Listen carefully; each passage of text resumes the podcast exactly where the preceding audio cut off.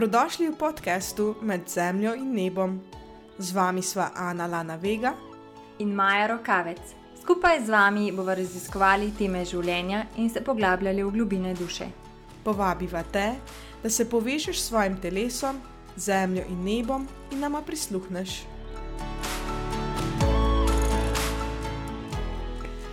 Živijo, danes je z menoj Jasmina Robnik Poličnik, moja prijateljica, ženska tisočerih darov, ki jo zanima ogromno stvari. In ko smo se pogovarjali pred kakšnim tednom, o čem bi danes govorili, smo imeli kar malo težavo. In potem sem jo vprašala, kaj jo polni, in je naštela kar nekaj stvari da je polnijo obredi, ustvarjanje zelišči, pisanje, utelešenje elementov, odkrivanje zdravilnih moči, zdravljenje z naravo in z mislimi, spoznavanje duše in kdo sploh ona je, pa tudi ženski krogi. Da je to zelo, zelo polni, ampak so zdaj v zadju, ker je takšno obdobje korone in tudi tvoje osebno obdobje, a ne, Jasmina. Ja, živijo, hvala za vabilo. In ja, tudi jaz sem se v bistvu zdaj malo umaknila, tako iz, iz socialnih medijev, malenkost, pa tudi iz, iz življenja nasplošno, in sem se res umaknila v sebe, v svojo družino, v dom. In sem ugotovila, da, da imam kar precej dela s tem. Ja, super, se pravi, si prav začutila obdobje jeseni in se začela obračati navznoter. Ja, tako je. In v bistvu odkrivati še bolj sebe, kdo sem. Uh, naletela sem tudi na, uh, na ta tvoj uh, emotion code, in ko smo začeli to odkrivati, sem jaz potegnila ven svoje rodovnike, ki jih imamo z možem, kar zadaleč nazaj, za več stoletij. In primerjava vsega tega je, je v meni odprla en čist nov svet, spet po dolgem času. Ker včasih, uh, kot najstnica, recimo, sem se precej s tem ukvarjala, ker je mojega očeta to zanimalo, zgodovina in to. Zdaj pa to odkrivam čisto na nov način, spet na energijski, uh, psihološki ravni, in je kar dost enih notranjih stvari, ki se mi ob tem pribujajo, in dosta enih stvari tudi počistiti za nazaj in se v bistvu odločiti, kaj želim peljati naprej, kot oseba, kot mama, kot žena, kot prijateljica, kot ženska. Ja, zdaj si našla kar nekaj vlog, ki jih igraš v vsakdanjem življenju. Ena taka skupna točka skoraj vsem je cikličnost, s katero se ti veliko ukvarjaš. Ja, uh, s cikličnostjo sem se bolj podrobno srečala, mislim, da je dve, tri leta nazaj, ko sem uh, imela težave z menstrualnim ciklom. Menstruacije po več mesecev nisem imela, in ko sem jo dobila, me je čustveno čist sesula, bolelo me je. In takrat sem pač bila postavljena pred eno odločitev, ali pač grem um, z zdravnikom, pa se dam pogledat, pa sledim njim, ali pa probam iti pogledat v sebe, kaj jaz sama lahko naredim na tem, če je karkoli, kar jaz lahko naredim, in sem zbrala to pot. In kaj si ugotovila? In sem ugotovila, da imamo uh, ljudje, še posebej pa ženske, izjemno, izjemno uh, moč zdravljenja, samo zdravljenja.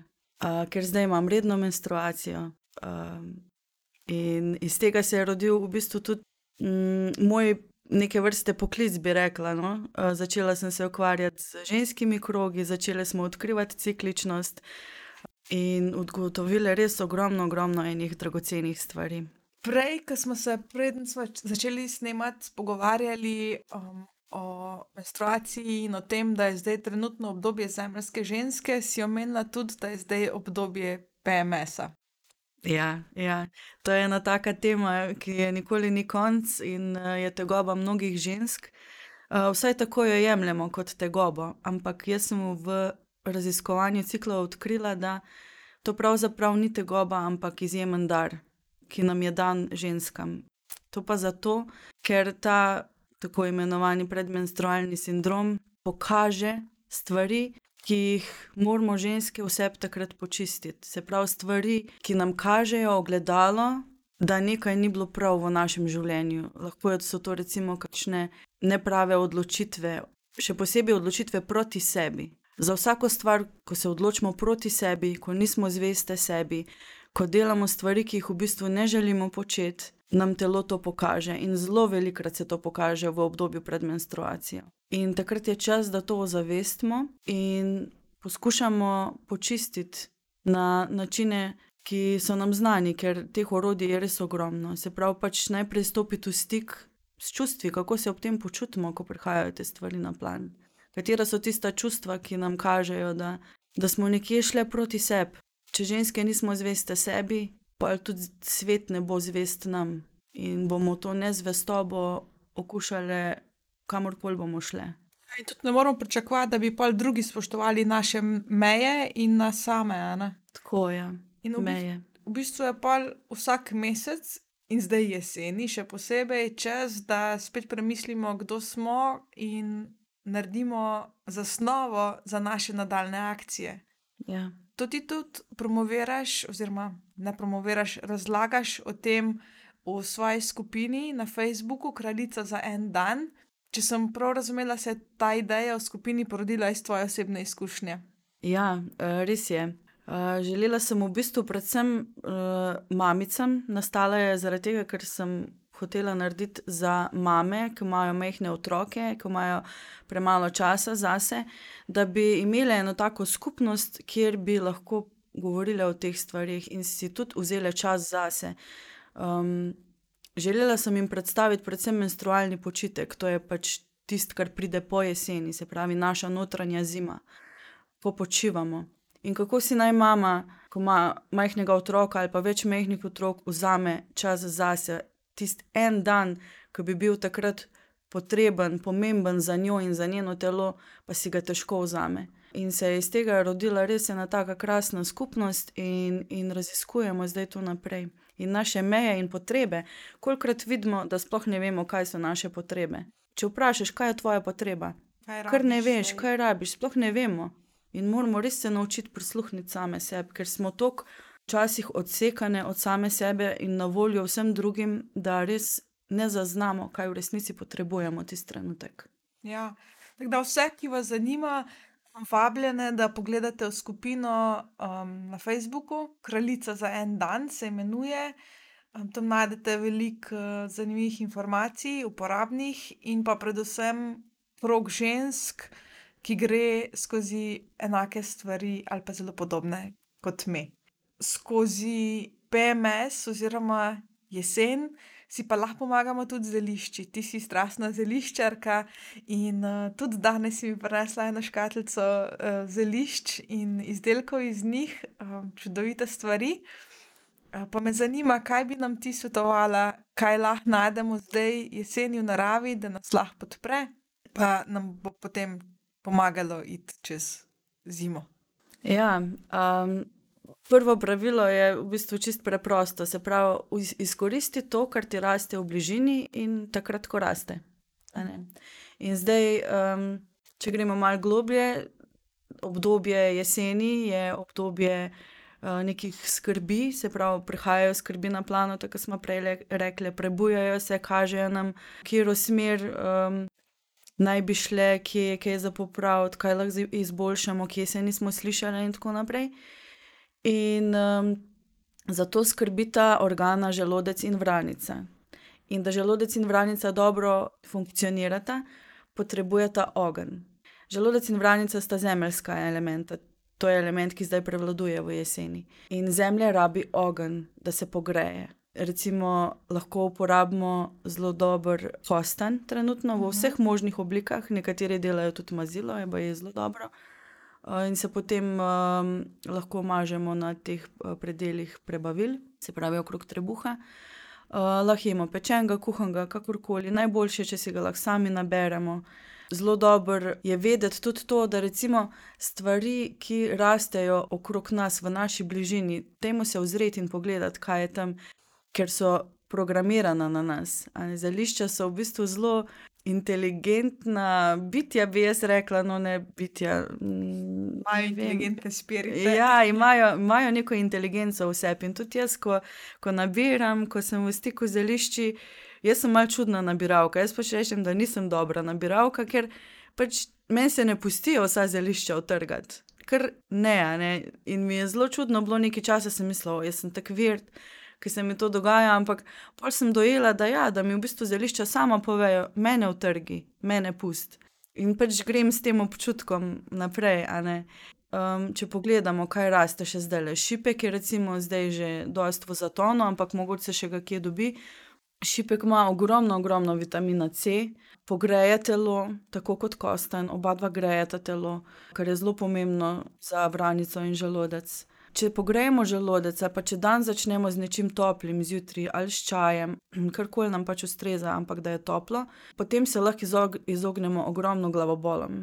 Ker v želodcu je izvor vseh glavobolov, to je po tradicionalni evropski medicini, tudi sveta Hildegarda o tem dosti govorila in Paracelsus in vsi ti kar zelo znani in mistični zdravilci v bistvu. Pa recimo uporabljati zelišča, ne, ki, ki grejejo ta trenutek. Mi se moramo pred zimo pogreti, če ne nas bo celo zimo zeb, pač to je neka taka logika tule zadaj. Recimo ena zelišča, ki grejejo, so komarček, pa janež, um, klinčki tudi, cimet. Vse te stvari, ki jih pol čez zimo tudi dosti uporabljamo, recimo vemo, da kuhano vino pijemo tudi po zimi ali pa da je to obdobje čajev in to vse z razlogom, a ne. Naše telo se mora od znotraj ogreti, da lahko prenese ves ta mraz, ki prihaja potem. In jesen je dobro obdobje, da se na to pripravimo. Super. Kaj pa bi rekla, na primer, omenila si cimet, ampak cimet pa ni ravno iz našega okolja. Ja, res je. Kolikor se da, je najboljše uporabljati to, kar imamo blizu. Se pravi, lokalno, tam, kjer živimo, ali pa vsaj na območju Slovenije, pa tudi če Balkana, no, tam, ko pač saj vidimo, kje podobne stvari rastejo, ne, da je neko tako območje. Kar je pa izven tega, je pa tako, če mi začutimo, da rabimo nekaj konkretnega, da imamo eno težavo in je za tisto težavo točno tisto, pol dajmo to vzeti. Ampak pol se prepričajmo pa poglejmo, od kje to dobimo. Res je pomembno, da poznamo izvor vsega, in zelišč in prehrane in vseh stvari in tudi kakšno je okolje tam okrog, ko to raste. v navezi s tem bi te še to vprašala. na našem vrtu še vedno raste žajbelj pa rožmarin, ampak to najbrž nista ravno grelni zelišči. zelo zanimivo, ker, žajbelj je večinoma za dihala, a ne. In jesen, del jeseni je tudi obdobje dihal in pljuč. In, je čisto okej, da to jemljemo. To je itak vse povezano. Zdaj, če si okrepimo dihala zdaj, pol verjetno ne bomo imeli kaj dosti prehladov ali pa kakršnihkoli viroz pa takih bolezni, ke so zdaj pa pol še pozimi. Pa tudi spomladi bomo prej ojačani, ko bomo začeli prihajati nazaj v življenje, no, če tako rečem, a ne. Po zimskem spancu.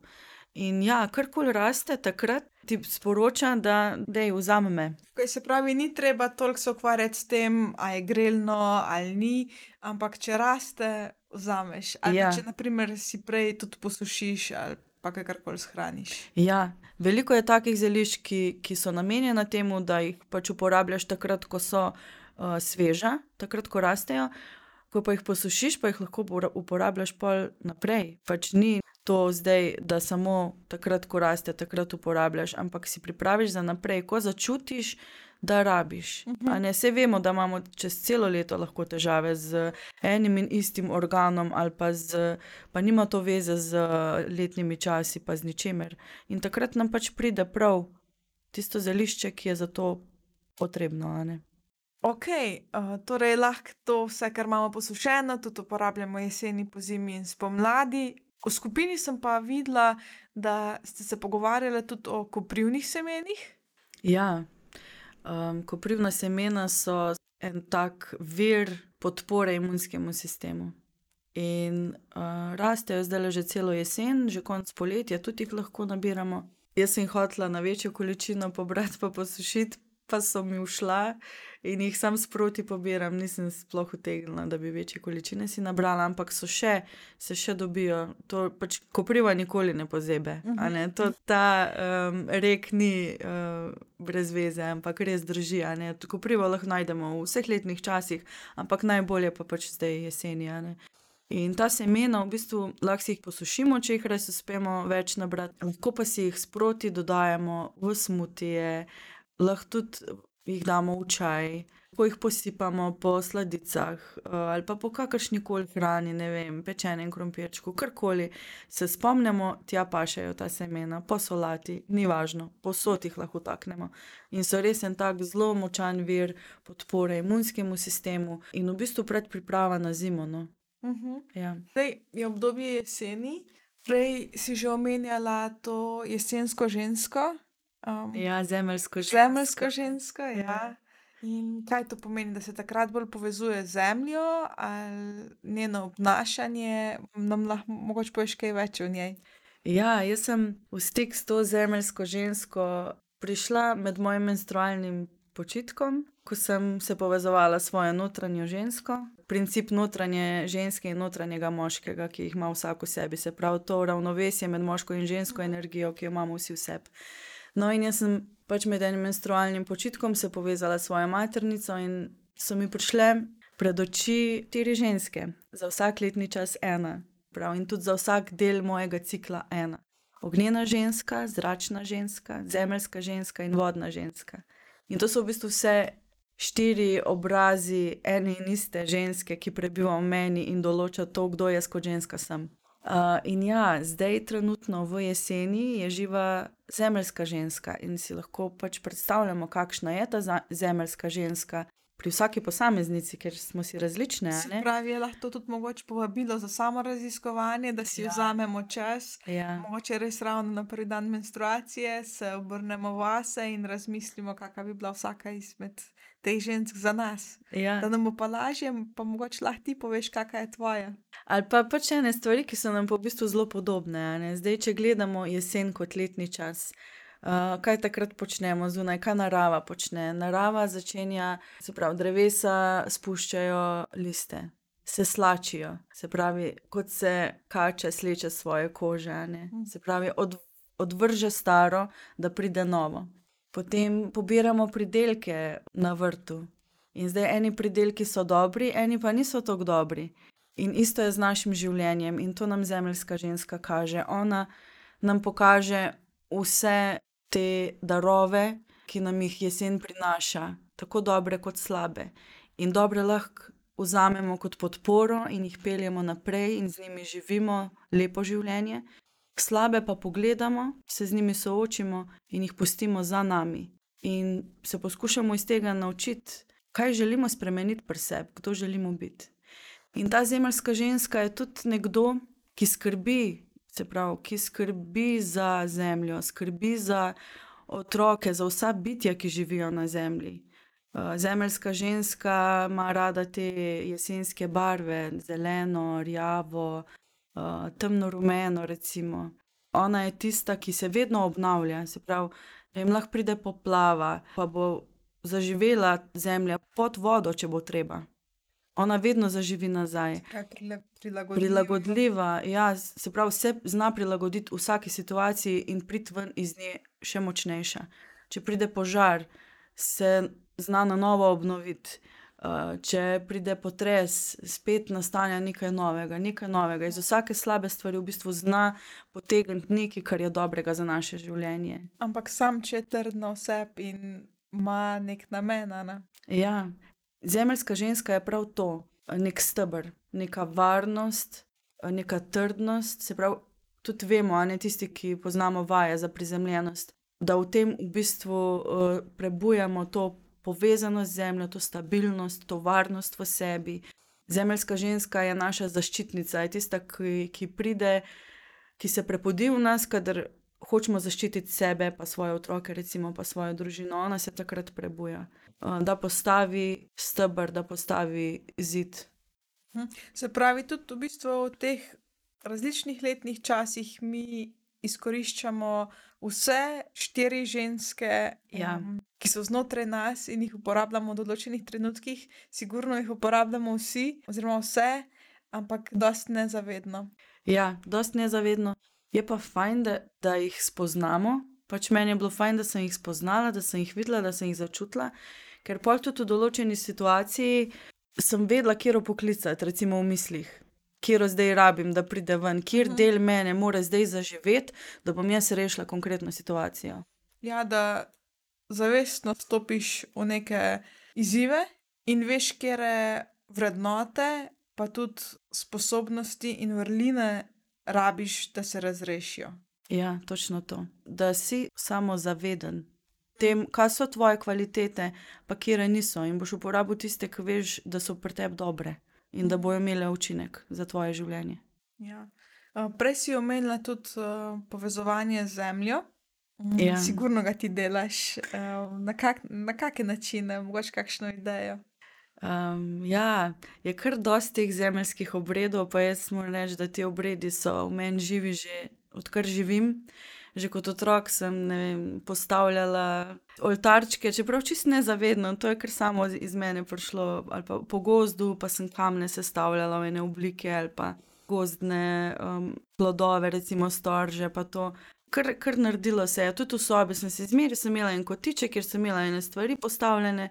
Nikoli se nisem tega v bistvu zavedala, do zdaj, pred kratkim, ne par let nazaj da v bistvu sem vse čas delala oltarčke, da sem delala obrede na ta način, da sem obredno bitje, da sem obredna ženska in da mi je to res blizu.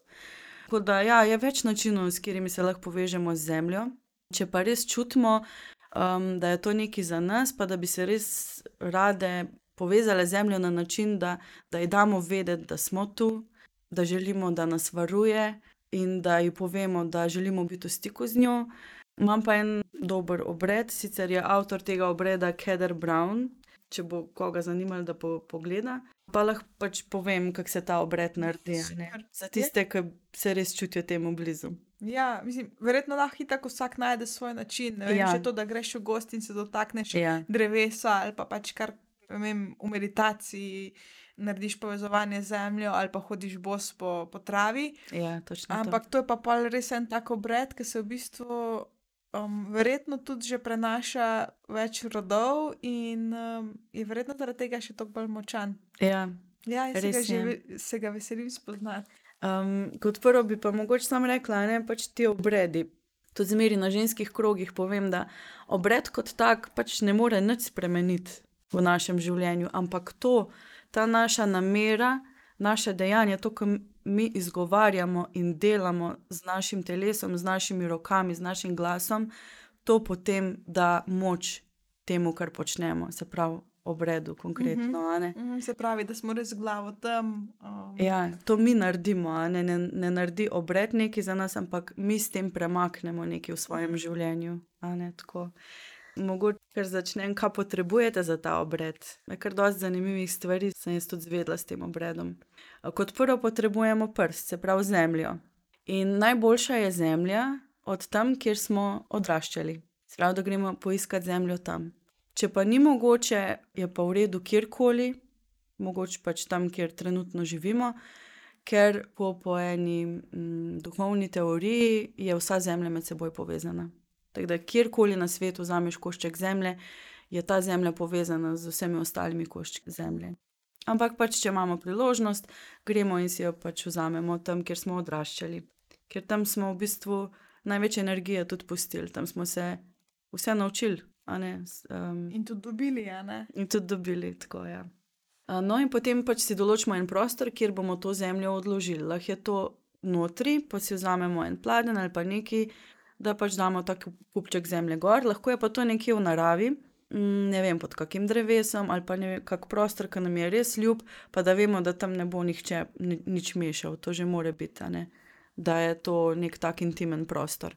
Misliš, da ne bo nič mešal v smislu takrat, ko smo mi tam, da nas ne bo noben motil, ali da bomo na koncu to pustili in se. Ne... Nasploh, na da, da mhm. tekom celotnega obreda pač nihče tam nič ne dela okrog. Ja, pač mora biti en tak prostor. No, potem pa potrebujemo uh, kristal, ni važno kakšen, gremo po občutku, kjer ga začutimo. Kristal pa zato, ker je kristal otrok zemlje. Kristali nastajajo v zemlji, so rojeni iz nje in je to en tak simbol. Se pravi, mi se zdaj javljamo kot otroci zemlje in imamo pač zato kristal zraven, ki je prispodoba tega otroka zemlje. Potem potrebujemo pa prsten. Uh, naj bi bil iz naravnega materiala, se pravi nekaj takega, kar je povezano z zemljo. Jaz sem vzela lesenga, ker mi ga je mož naredil, ker se moj mož ukvarja z lesom in sem pač uporabila tistega. Lahko uporabimo, ne vem, tudi če imamo iz kamna ali pa kristalne prstane, tudi kovina, po moje, je, je v redu, pač en prsten. Potem naprej je pomembno, da obred začnemo na prazno luno. Jaz se zelo dosto ukvarjam tudi z luno in, in s tem tudi zelišča pripravljam na tak način, in tinkture, rožne vodice in vse delujem na tak način, da je povezano z luno. Um, na prazno luno se ponavadi delajo stvari, obredi, pa izdelki, ki rastejo v temi, se pravi, temna stran tega. Ob polni luni pa se delajo stvari, ki rabijo svetlobo. Vem, recimo, če želimo vodo z energijo napolniti, z lunino energijo, jo bomo polnili ob polni luni, ne, ne moramo ob prazni. In ta obred povezovanja z zemljo začnemo na prazno luno. Potem je to to, imamo te stvari pripravljene. In potem si izmišljamo še nekaj, kar bomo na začetku povedali, se pravi, neko invokacijo, nek priklic, neko namero. Lahko je to karkoli, naj pa bo tako nekaj, kar je nam svetega in, in služi nečemu, kar mi verjamemo, da nas bo povezalo z zemljo. Zamislimo si, ali pa gremo vase, pa poskusimo najti, uh, ali pa se nam sami pojavijo neki taki stavki, primerni, ki bi jih izrekli. Ali lahko, recimo, daš en primer, prav, da mogoče tisti, ki ja. tega še nismo delali, um, si lahko predstavljamo? Ja, lahko, lahko tudi, no, najprej bi še to povedal, da lahko pokličemo tudi prednike, ki so bili povezani z zemljo in so polni ljubezni. Sam pri tem moramo paziti, ker pač niso bili vsi predniki eh, dobri in zato je pač tudi zelo pomembno, da smo kar natančni pri izbiri besed, ki jih bomo uporabili. Da res pokličemo tisto, kar je dobro in kar nas podpira. Se pravi, nekaj v takem smislu. Draga zemlja, tukaj sem, tvoj otrok, ki se želim povezati s teboj skozi ta obred. Na pomoč pri tem kličem vsa dobra bitja, ki živijo na tebi, tako duhovna kot fizična, da mi stojijo ob strani, da so polna ljubezni in podpore, da bom jaz začutila to tvojo vez z menoj in svojo s teboj. Mhm, Nekaj takega. Lahko je pa še nešteto drugih načinov, mhm. res. Ja, ja, vsak najde svoj, ja. ampak tak, za en prvi osnutek ja. je super, da si to povedala. No, okay. no, potem pa, pač, ko imamo vse te stvari pripravljene, ko smo odložili ta kupček zemlje tja, kamor smo ga želeli odložiti, naredimo darovanje zemlji. To pomeni, da naredimo eno tako luknjico noter na sredino in ulijemo noter malo vode, pa malo pepela iz lesa. Se pravi, moramo najti pepel, kjer je gorel les prej, ne, da ni mhm. kaj druga še zraven gorel, mora biti res iz lesa. Ta dva elementa sta pa mejnika med tem in drugim svetom. Se pravi, povezujeta ta svet, fizični svet, kjer smo mi, in ta drugi svet, ki je v bistvu sposoben nas povezati zemljo na tak način, kot si mi želimo. Uh. -huh. To ni nekaj fizičnega, ne, to ni oprijemljivo. Rabimo nek mejnik, da se povežemo s tistim neoprijemljivim. Ne? Potem pa v zemljo damo prsten, ta prsten v zemlji pa ponazarja tudi ta Keder Brown, uporablja izraz Earth Dreaming. In meni je bilo to nekaj najbolj čudovitega, kar sem kdaj slišala. Prej, prej sem že povedala, ne, da je kristal otrok zemlje. Ampak um, ta zgodba za Earth Dreamingom, se pravi, bi lahko rekli zemljinim sanjanjem ali pa zemljinimi sanjami.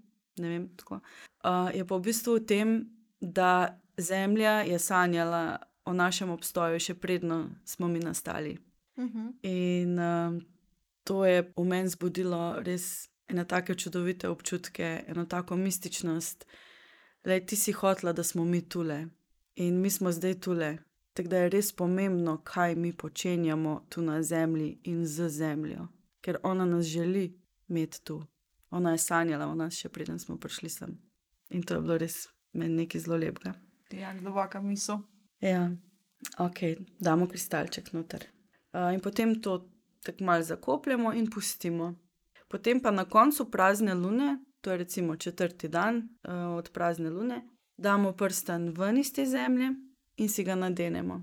Kamorkoli, lahko na prst, uh, lahko na verižico, lahko ne vem, na kakšen hanček, kamorkoli, ampak tako, da ga imamo vse čas gor. Um, in ga nosimo potem celo leto, ta prsten. Tako da to ni nek obred, ki bi ga ti vsake tok naredil, ampak ga narediš enkrat, pa res si povezan pol s tem. In kaj je v bistvu, če ga pa vmes, recimo, par dni ne nosiš, se ta povezava potem prekine ali pač ga pomot slednjič spet daš gor. In... Ja, ja lahko. Um, lahko v bistvu na vsako prazno luno ga damo nazaj v, v, to, v ta zemljin ol- oltarček za par dni, da se nazaj aktivira. Ali pa recimo, če ga damo dol, pa ga damo takrat, ni pa treba glih na prazno luno. ne. Po občutku tudi začutimo, kako. Pa če nam ne paše nositi, pa pač ne nosimo, a ne.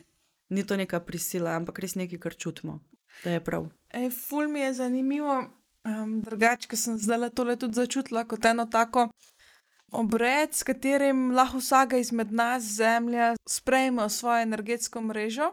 Včasih ne, so se pri porodih zakopavale posteljice in to je bil obred namenjen ravno temu, ja. da je vsakega novega otroka zemlja sprejela v svojo energetsko mrežo in da ga lahko, kar se da najbolj podpre, ker je na tak način dobila njegov DNK. Um, potem sem pa poslušala tudi um, kako leto nazaj en podcast o obredih, mislim, da v Srednji Ameriki, nisem zdaj prepričana, ampak da si tam ženske um, shranjujejo lase, um, dajo na eno skalo sred gozda, jih zažgejo in potem ta pepel zakopljajo v zemljo in spet s tem namenom povezovanja. Tako da zdaj to je res ena taka stvar, ki lahko naredi vsak izmed nas za to povezanost, ker pač običaji so se vmes spremenili in uh, ljudje so bili prej zelo, zelo povezani z zemljo, mi pa smo to, to povezavo izgubili, ampak ni vse izgubljeno. Ne. In ta informacija je še vedno v nas, samo spomniti se moramo. Moramo vedeti, da mi nosimo vse informacije vseh naših prednikov in so zapisane v nas tudi na fizični ravni. In marsikaj se tudi da zdaj že znanstveno dokazati, in to je tudi ena takih stvari. Recimo, da se spomini dedujejo. In ja, v bistvu imamo dostop do vseh informacij. V povezovanju z zemljo lahko tudi pridemo do njih. Ful mi je zanimivo, ker skoraj vsakemu podkastu pridemo ravno do tega, kar smo že z Majo na začetku omenili, da čisto vse, kar rabimo, je že v nas. In um, skoraj da ni važno, zdaj, a smo same z Majo ali prejšnjička je bila Anja ali zdaj s teboj, vedno pridemo do tega. No? In je res um, Ja. zanimivo. In je res pol v bistvu spoznaj samega sebe, največje bistvo vsega našega življenja. Spoznaj samega sebe, kaj vse je v nas. Ja. Ja. Globoka misel. Ker nekaj smo govorili o ženski cikličnosti in o ženskem spreminjanju, pa sem večkrat že prišla v stik s tem, da sej moški tudi imajo cikličnost, čeprav se ne kaže toliko na vzven oziroma na fizičnem. Kaj pa ti misliš? ja, jaz mislim, da imajo, seveda imajo cikličnost. Tudi marsikaj sem že brala na to temo tudi, uh, in raziskovala in se tudi pogovarjala s svojim možem. Nekako se mi zdi, da jih imajo več.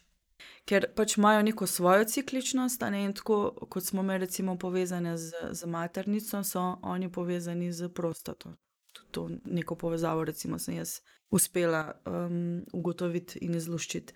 Potem njihova druga cikličnost je pa močno naravnana na cikličnost ženske.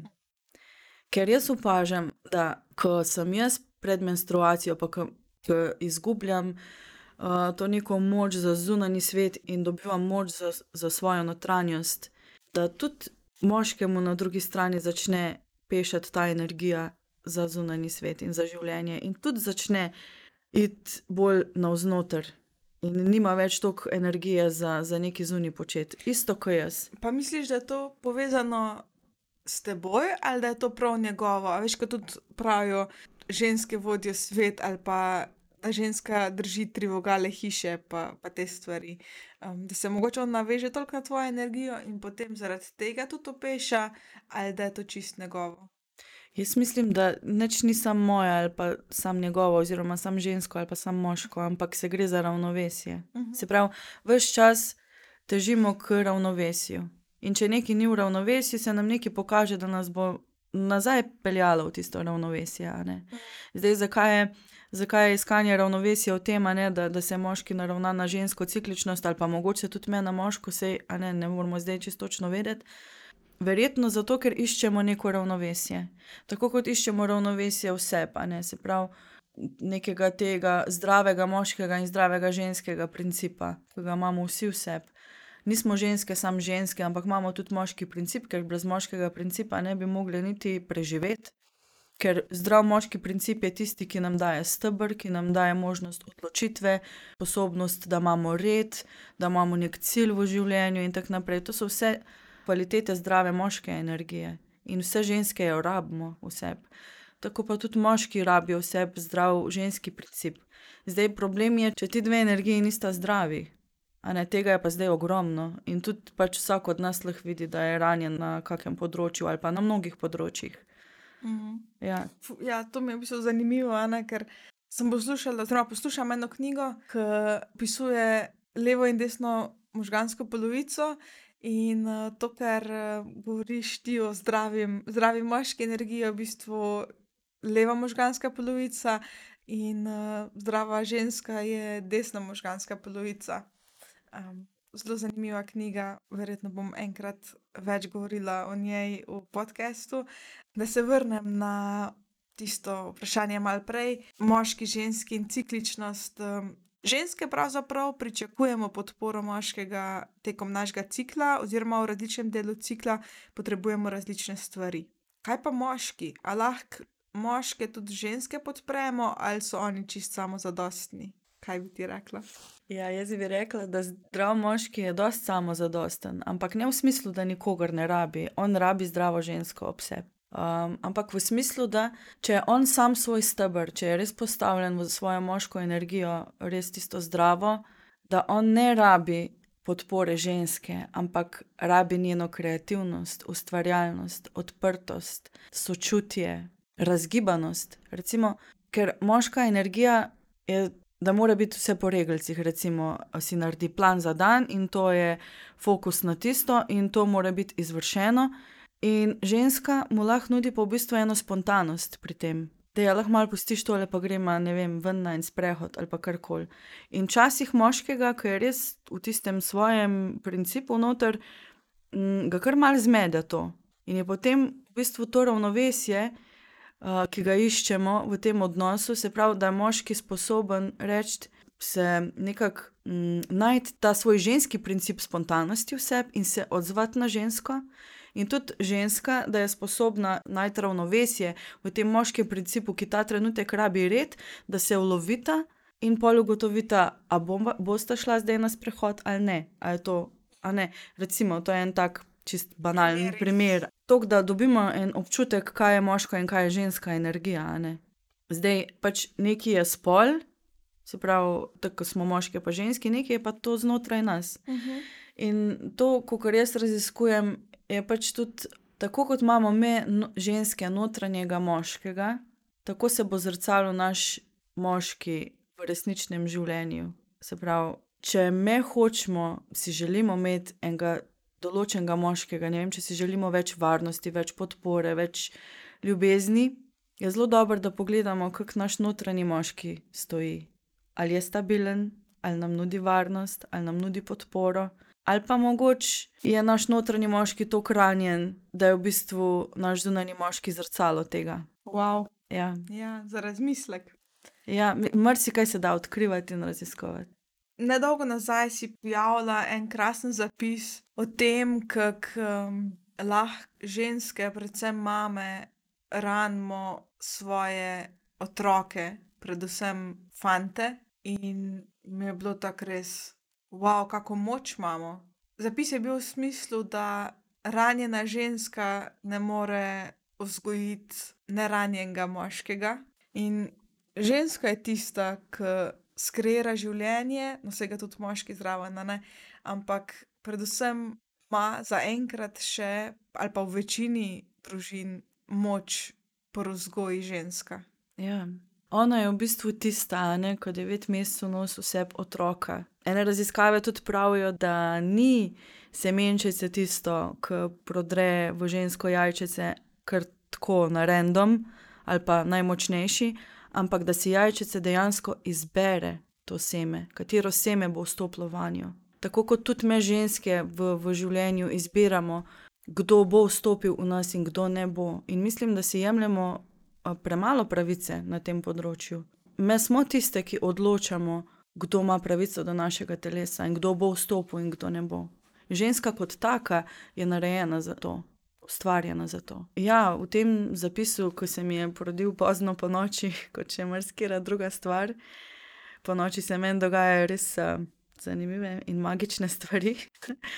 um, jaz sem v bistvu pisala o tem, kako lahko uničimo moškega, ne, kot, kot ženske, kot mame, predvsem. Ja, je bilo bolj bistvo v tem, ker moški rabi ogromno svobode. Naši sinovi rabijo ogromno svobode, me bi jih pa zelo doskrat rade kar mal prevezale na sebe, pa jih omejevale. Ampak fantki so tisti, ki rabijo vedno širšo ograjo, ne vedno ožjo, da ga vedno bolj stiskamo, ampak vedno bolj mu moramo širiti ograjo in otroci nam to čisto lepo pokažejo. Sinovi nam to lepo pokažejo. Če imajo premalo svobode, bo, bo prišlo na plan eno obnašanje, ki nam ne bo všeč, ampak verjetno bo bistvo prav v tem, da on želi, da mu damo na določenem področju ali pa nasploh več svobode. Ker mi pa ponovadi takrat, da nekdo nekaj narobe naredi, ga še bolj zapremo in Ja, še bolj še stisnemo. In ga še bolj stisnemo. In Ja, je ravno kontraučinek. učinek. ja.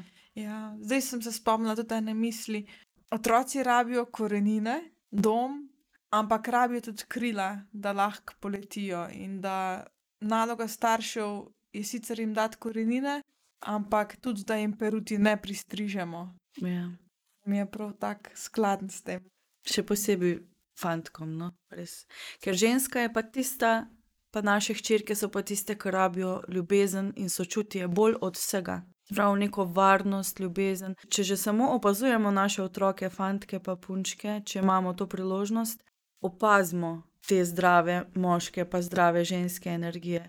Res rabi punčka večinoma, a ne sej. Tudi otroci so različni, tudi imajo različno ravnovesje te moške in ženske energije, ampak recimo na splošno, a ne, če posplošimo, vidimo, da punčke rabijo ogromno, ogromno ljubezni, sprejemanja, podpore in varnosti. Fantki pa najbolj od vsega svobodo. Jaz ne vem, če bi še sploh kaj zraven dala. Tako, mislim, res svoboda je tista, ki zaznamuje fantke in ravno pač s tem ga lahko zelo ranimo, a ne ker ga okalupljamo v, v sistem družine ali pa v nek šolski sistem. Pač na vseh področjih se mi zdi, da se jim jemlje svoboda in da, da se to res kaže v razmerah, v katerih zdaj živimo. Mm. To je ranjena moška energija, kar se zdaj dogaja v tem svetu. Ja, in rabimo zdaj žensko, zdravo žensko energijo, da pristopi, da skreira novo življenje. In ti imaš tudi sina, Ana, in hči, zato lahko poveš to primerjavo, kaj on rabi, pa kaj hči rabi. Ampak tega svojega sina večkrat poimenuješ bojevnik luči. Pa vem, da je enkrat nastala ena lepa pesem o bojevniku luči. Sicer ne vem, če si imela v misli svojega sina, ampak To je to, kar je zanimivo. Ta pesem se je tudi rodila po noči. Nisem imela v mislih sina, ampak pol, ko sem jo prebrala, sem začutila, da je to v bistvu on. uh, jaz bi si želela, da jo danes podeliš z nami, ker mi je res taka lepa. Lahko. Naslov je Bojevnik luči, rojstvo. V globinah bolečine, tam, kjer rodovitna zemlja hrani plod. Tam živijo vsi spomini, iz noči se dviga svetli rod. V globinah bolečine, tam živita ljubezen in svoboda. V globinah, kjer najbolj boli, tam resnica spi, čaka, da bojevnika zbudi. V globinah bolečine, kjer moški in ženska sta kot eno, tam, kamor prekletstvo ne seže več nobeno, tam se rodi iz teme noči bojevnik luči. Hvala. Meni se zdi to res tako globoka in močna pesem, ki tudi drugim da vedeti, kakšno moč imamo nad bojevniki luči in da je prav, da jim pustimo, da oni lahko naredijo na zemlji tisto, za kar so prišli, in jih ne onemogočamo. To pa naredimo predvsem tako, da res živimo svoj pravi jaz in jih spodbujamo, jim damo svobodo in poslušamo njih, pa tudi sebe. Jasmina, hvala za današnji pogovor. Hvala za vabilo, Ana. Lepo se majte, se slišimo, adijo. Adijo.